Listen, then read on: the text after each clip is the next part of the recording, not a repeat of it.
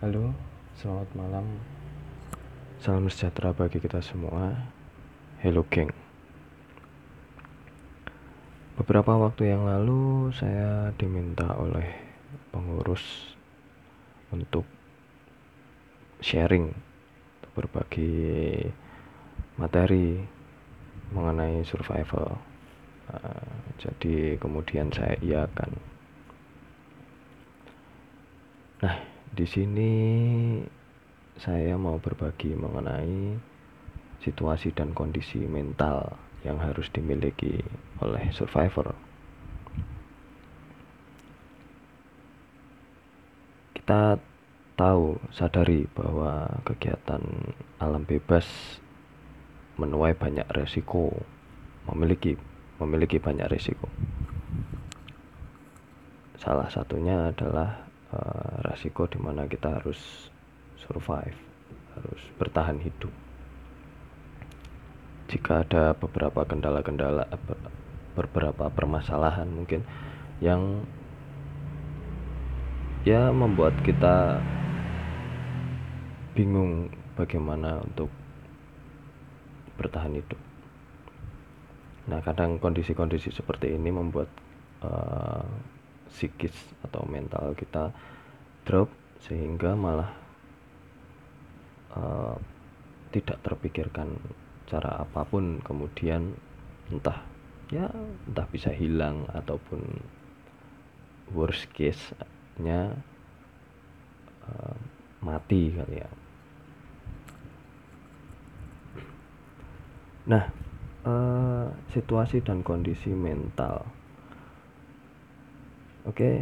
Nah sebelum kita berlanjut mungkin Eh, teman-teman di sini sudah pada paham mengenai apa yang dimaksud dengan survival.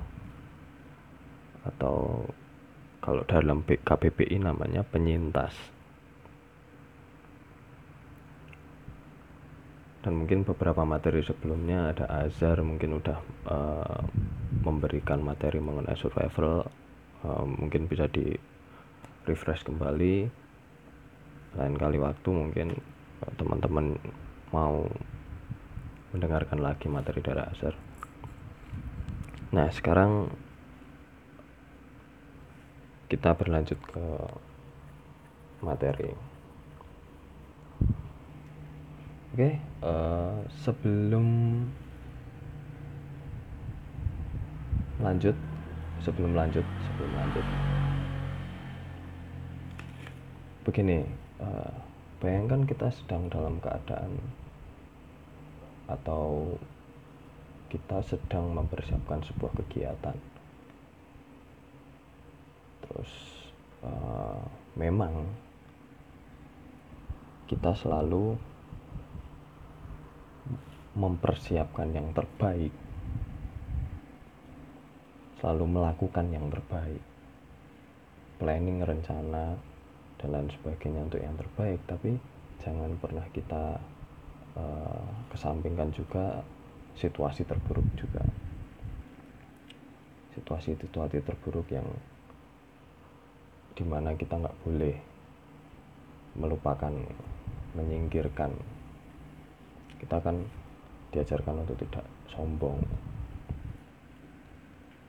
nah dalam hal mental uh, atau psikis sebelum kita melaksanakan sebuah kegiatan atau sebelum kita melaksanakan apa pun itu kan kita juga harus uh, melakukan sebuah pencegahan atau persiapan agar apa pun yang nanti kita lakukan akan berjalan sesuai dengan rencana kita. Nah, apa sih yang perlu kita persiapkan? Taruhlah gini aja karena saya ini adalah uh, dasarnya memang materi hutan gunung ya. Jadi kita akan coba untuk membayangkan hal yang berkaitan dengan sebuah pendakian mungkin atau mungkin kegiatan alam bebas yang berbau dengan hutan oke. Okay? kita sepakati dulu bahwa kita akan membayangkan kebagian hutan kegiatan yang berbau dengan hutan. Nah nah sebelum kita melaksanakan kegiatan ada beberapa hal yang perlu disiapkan oh iya saya lupa juga. Karena saya dasarnya juga seorang uh, sampai saat ini sih masih mahasiswa psikologi ya. Jadi saya juga akan berbicara tentang psikologi. Nah dalam psikologi itu ada tiga aspek yang paling penting. Dan itu tidak pernah lepas dari yang berkaitan dengan psikologi. Tiga aspek ini adalah aspek kognitif aspek afektif dan aspek psikomotor. Apa sih itu? Kognitif itu berkaitan dengan pikiran pengetahuan eh, analisis dan apa pun yang berbau dengan pengetahuan lah pokoknya. Nah sedangkan afektif berbau dengan emosi dengan kejiwaan mental dan lain sebagainya. Kalau psikomotorik berkaitan dengan uh, perilaku motorik yang kita lakukan nah apa sih hubungannya? Nah kalau kita mau melakukan uh, kalau kita mau kalau kita mau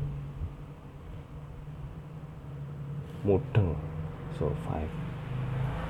Nah kita juga harus tahu si uh, mempersiapkannya dari aspek kognitif afektif maupun psikomotor.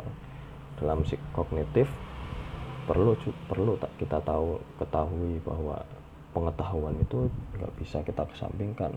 Pengetahuan tentang psikom uh, pengetahuan tentang survival itu juga harus kita ketahui. Mungkin sebelumnya Azhar sudah memberikan materi mengenai perapian bahasa kemudian eh, BZP botani zoologi praktis kemudian mungkin sebelumnya lagi udah ada bivak dan lain sebagainya. Itu itu adalah pengetahuan itu ranahnya pengetahuan. Nah itu juga nggak boleh kita kesampingkan itu pengetahuan. Nah kemudian adalah kemudian uh, kita beranjak ke aspek efektif nah kalau dalam kalau kalau ketika kita uh, masih persiapan efektifnya di mana nih? Nah efektifnya itu ada di bag, uh, bagian bagaimana kita bersiap terhadap yang terburuk. Jadi jangan sampai apa yang ketika kita mau berkegiatan mau jalan nih ke gunung nih yang dipikirkan bukan hal yang baik-baik aja. Tapi kita juga harus bersiap untuk yang terburuk. Worst case itu juga nggak boleh ini. Dan itu juga kita nggak boleh depresi terhadap itu. Artinya ya kita tetap tahu bahwa resikonya seperti ini. Kemudian ya kita hadapi sesuai dengan resikonya. Dan kita tetap maju nah nanti uh, juga berhubungan dengan uh, bukan asal nekat berarti.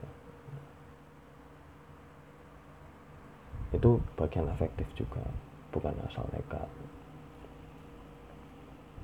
Dan kita harus kadang-kadang uh, kalau kita menuai sebuah permasalahan ketika mau berkegiatan, berkegiatan ya kita menuai sebuah permasalahan kemudian uh, ada yang berpikir untuk ya udah nekat terabas-terabas dan lain sebagainya. Ada yang malah depresi kemudian uh, psikisnya down kemudian malah tidak jadi berkegiatan. Hal yang seperti itu itu ranahnya ke bagian emosi bagiannya afektif. Nah kayak taruhlah gini aja nih kegiatan. Kemudian e, beberapa orang akan mengatakan kepadamu bahwa bahwa kegiatan di hutan itu berbahaya. Uh, nanti bisa tersesat lah bisa tar, uh, taruh uh, jatuh ke jurang atau banyak pacetnya mungkin. Nah dari dari hal yang seperti itu bagaimana sikapmu uh, bagaimana sikapmu? Itu adalah emosi dirimu. Apa yang kamu rasakan ketika kamu dikasih tahu hal yang seperti itu. Itu juga ber, uh, juga sama ketika kamu dibombong oleh saya ayo munggah gunung wae ayo uh, kita ke hutan aja camping dan lain sebagainya. Uh, yang terjadi bisa aja kan kita merasa sombong kemudian waton melu.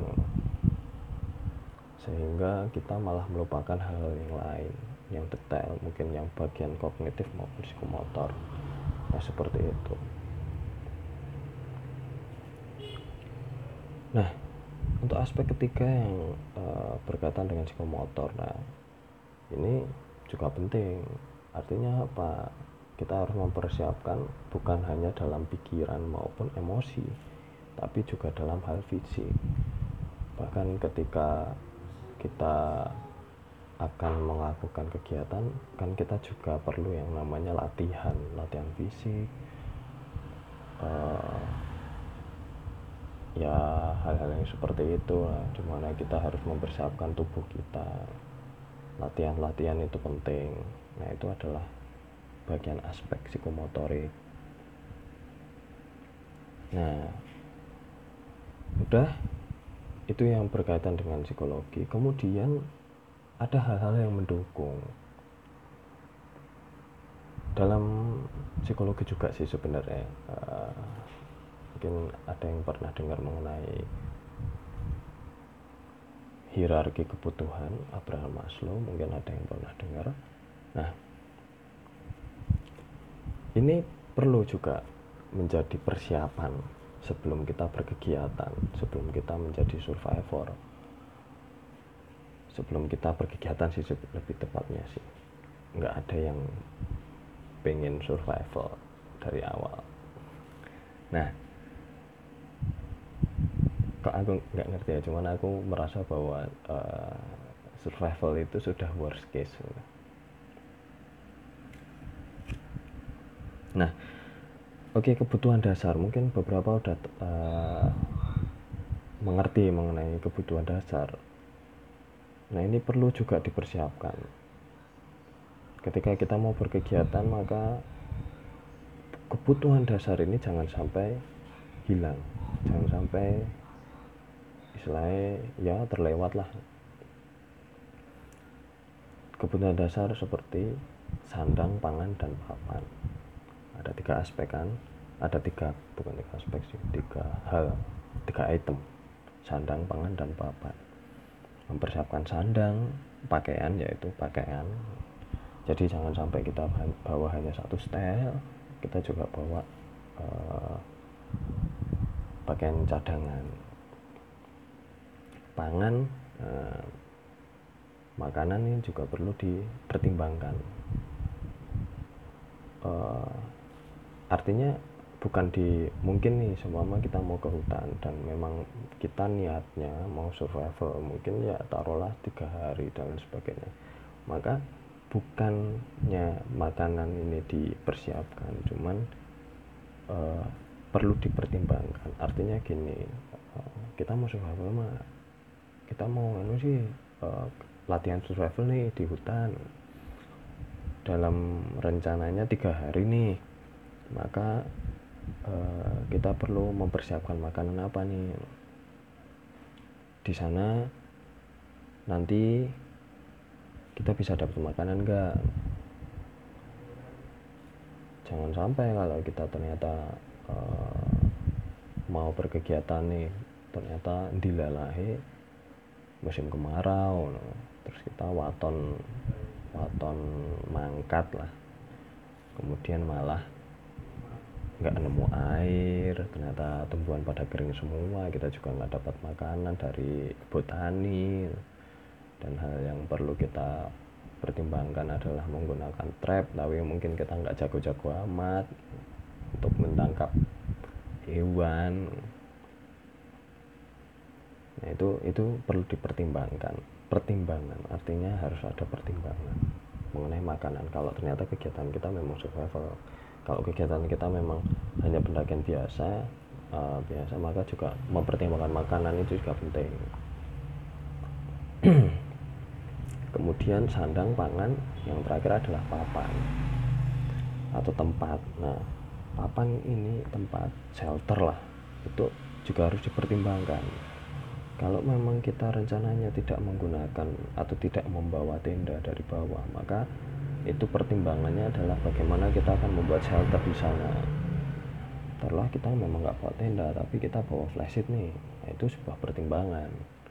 Atau mungkin nggak bawa flashlight aja deh nggak apa-apa kita pakai jas hujan atau mantel atau ponco. Itu juga sebuah pertimbangan. Artinya itu jangan sampai lepas dari sebuah pertimbangan untuk sandang pangan dan papan. Itu penting. Nah uh, itu kali ya untuk uh, sebelum kegiatan. Kemudian uh, itu untuk awalan lah untuk yang tiga aspek psikologi tadi sama tiga kebutuhan dasar itu itu untuk awalan. Nah sekarang kita akan lanjut ke bagian kegiatannya. Nah gimana sih kalau kita pas kegiatan ini terus kita diharuskan untuk survive? Nah sekarang mungkin kita perlu ketahui juga kenapa sih kita harus survive? Maksudnya kondisi seperti apa yang harus membuat kita tuh harus survive ketika di alam bebas? Nah mungkin kita dapat memikirkan uh, alasan mungkin kita harus survive adalah yang pertama mungkin memang itu rencananya kita. Dari awal memang kita kegiatan ke atas dan kita tidak akan menggunakan makanan dari bawah dan kita akan mencoba atau latihan survival di atas yang pertama dan yang kedua adalah terpaksa bukan terpaksa. Terpaksa dalam artian wah ini memang kita uh, ini kegiatan kita masih lama tapi ternyata uh, ada kendala di bagian mungkin uh, ketika di lapangan ternyata kita menemui kendala dan mengharuskan kita survive kendala bisa macam-macam ya dalam artian kayak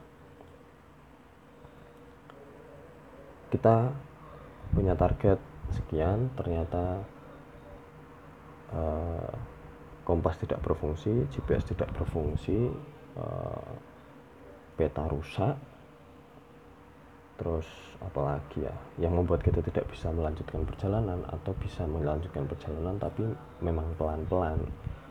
Nah itu kan menambah hari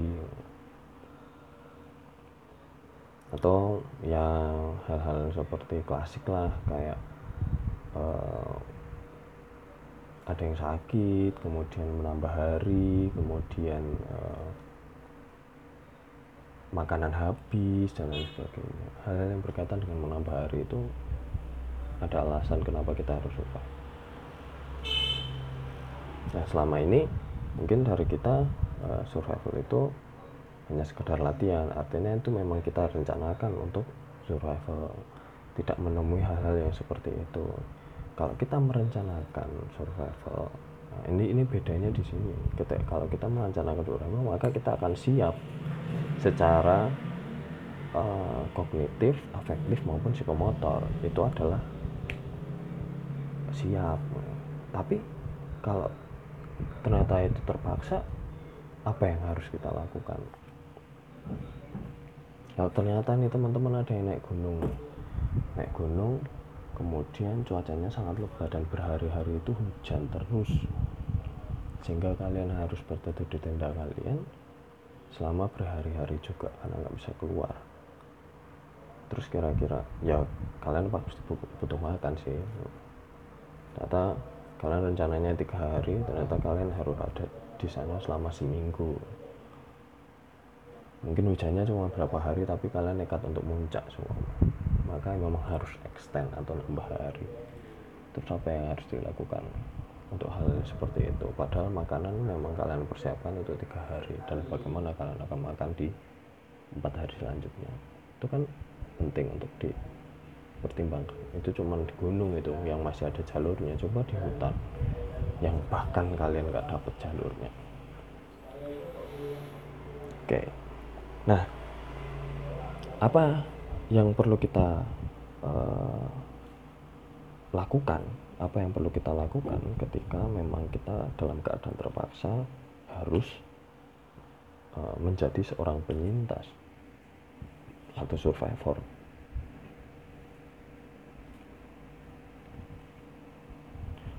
Nah hmm, mungkin oh iya untuk uh, kondisi seperti apa tadi kondisi-kondisi seperti apa kita harus survive tadi mungkin yang terakhir itu adalah tersesat.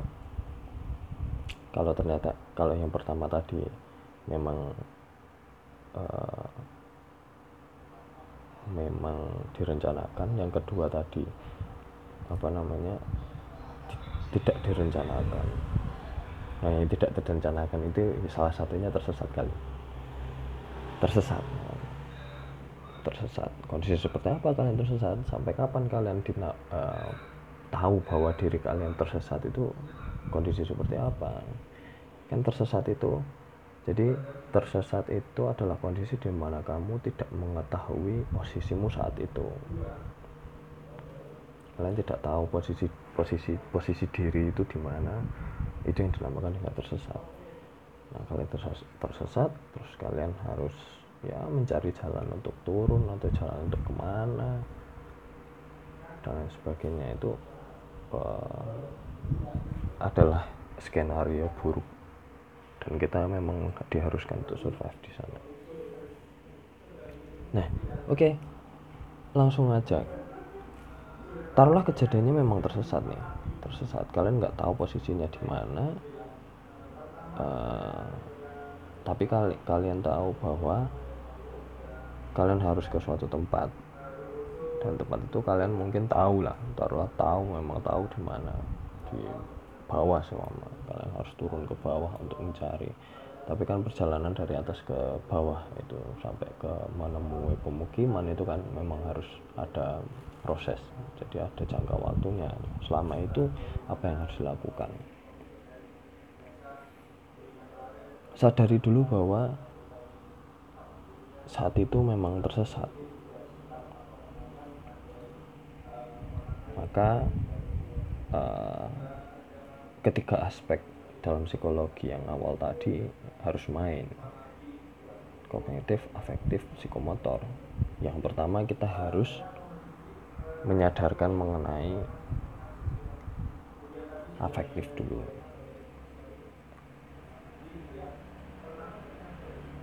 Afektif dulu dalam segi emosi kita harus tenang. Jangan panik karena uh, kepanikan itu memperbodoh diri kita. Artinya ketika kita panik kita nggak bisa berpikir secara jernih. Yang pertama itu memang kita uh, harus kuasai afektif afektif kita emosi kita harus kita kuasai. Nah, habis itu baru kognitif habis itu baru psikomotor. Setelah setelah emosi kita sudah kita kuasai maka yang kedua adalah kognitif yaitu berpikir. Berpikir kemudian menganalisa kemudian menganalisa kejadian fenomena dan lain sebagainya barulah kita masuk ke psikomotorik yaitu bergerak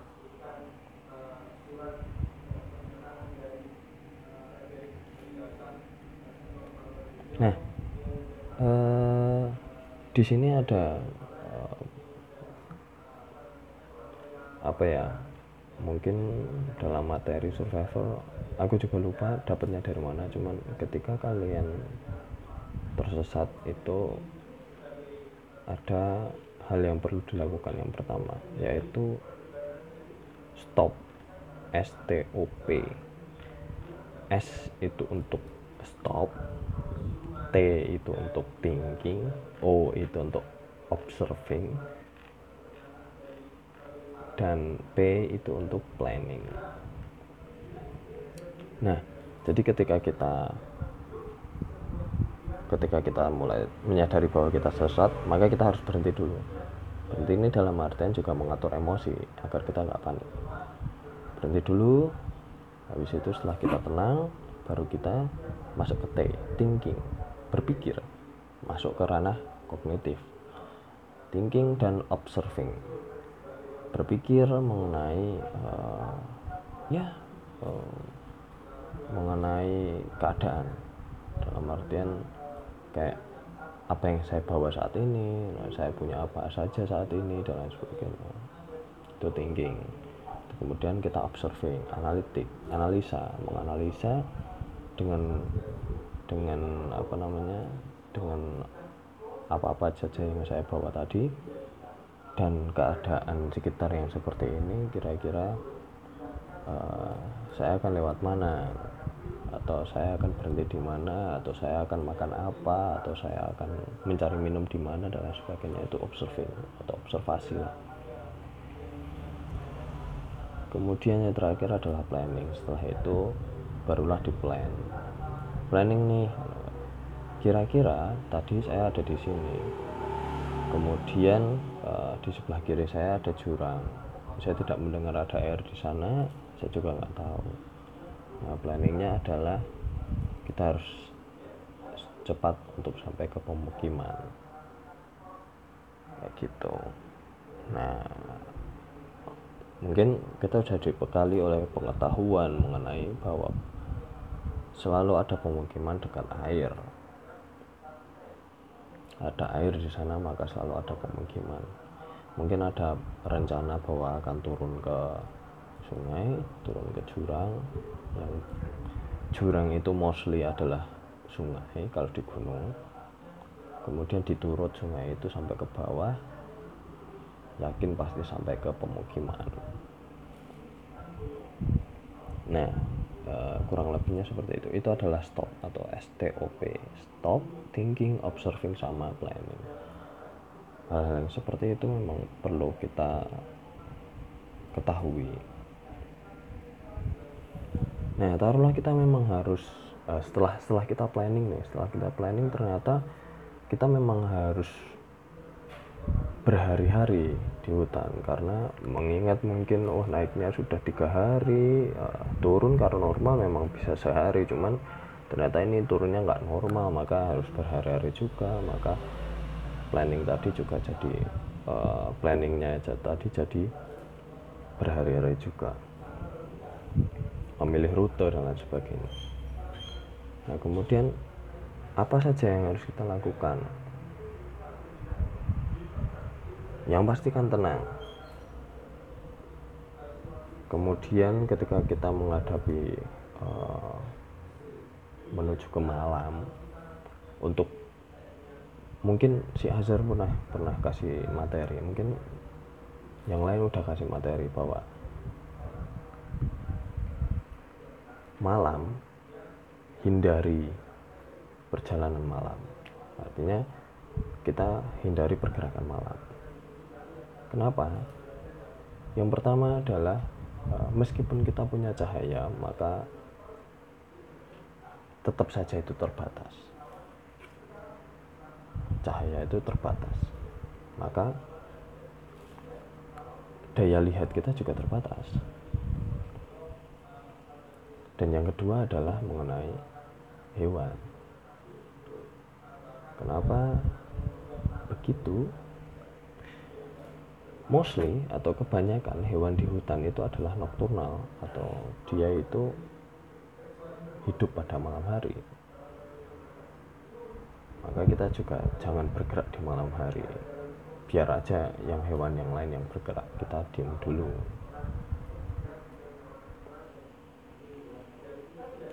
Jadi usahakan untuk uh, stop kegiatan menjelang malam aku pribadi biasanya aku selalu stop kegiatan jam 4 sore.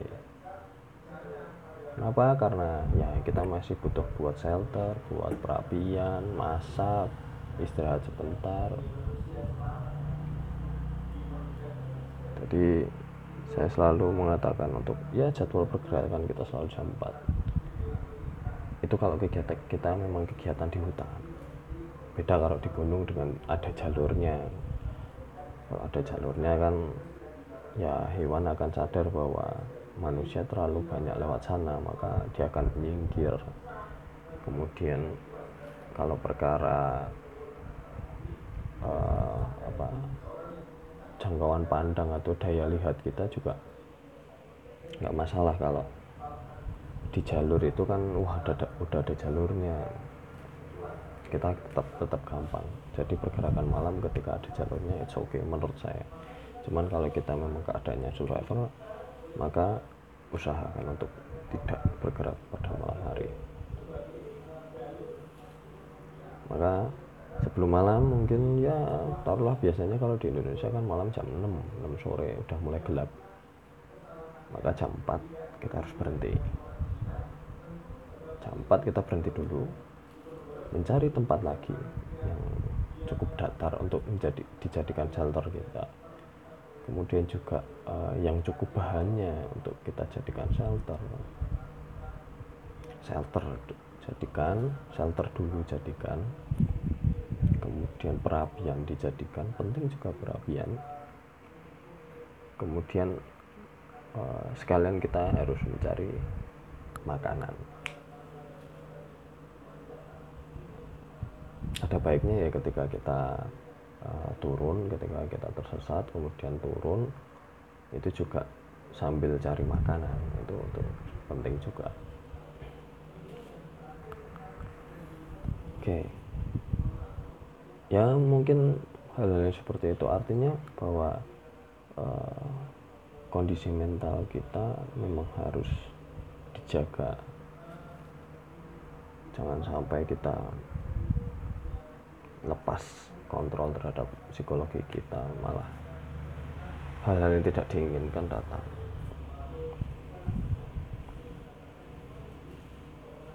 Hmm, apalagi ya saya bingung sih. Cuman kurang lebihnya seperti itu sih.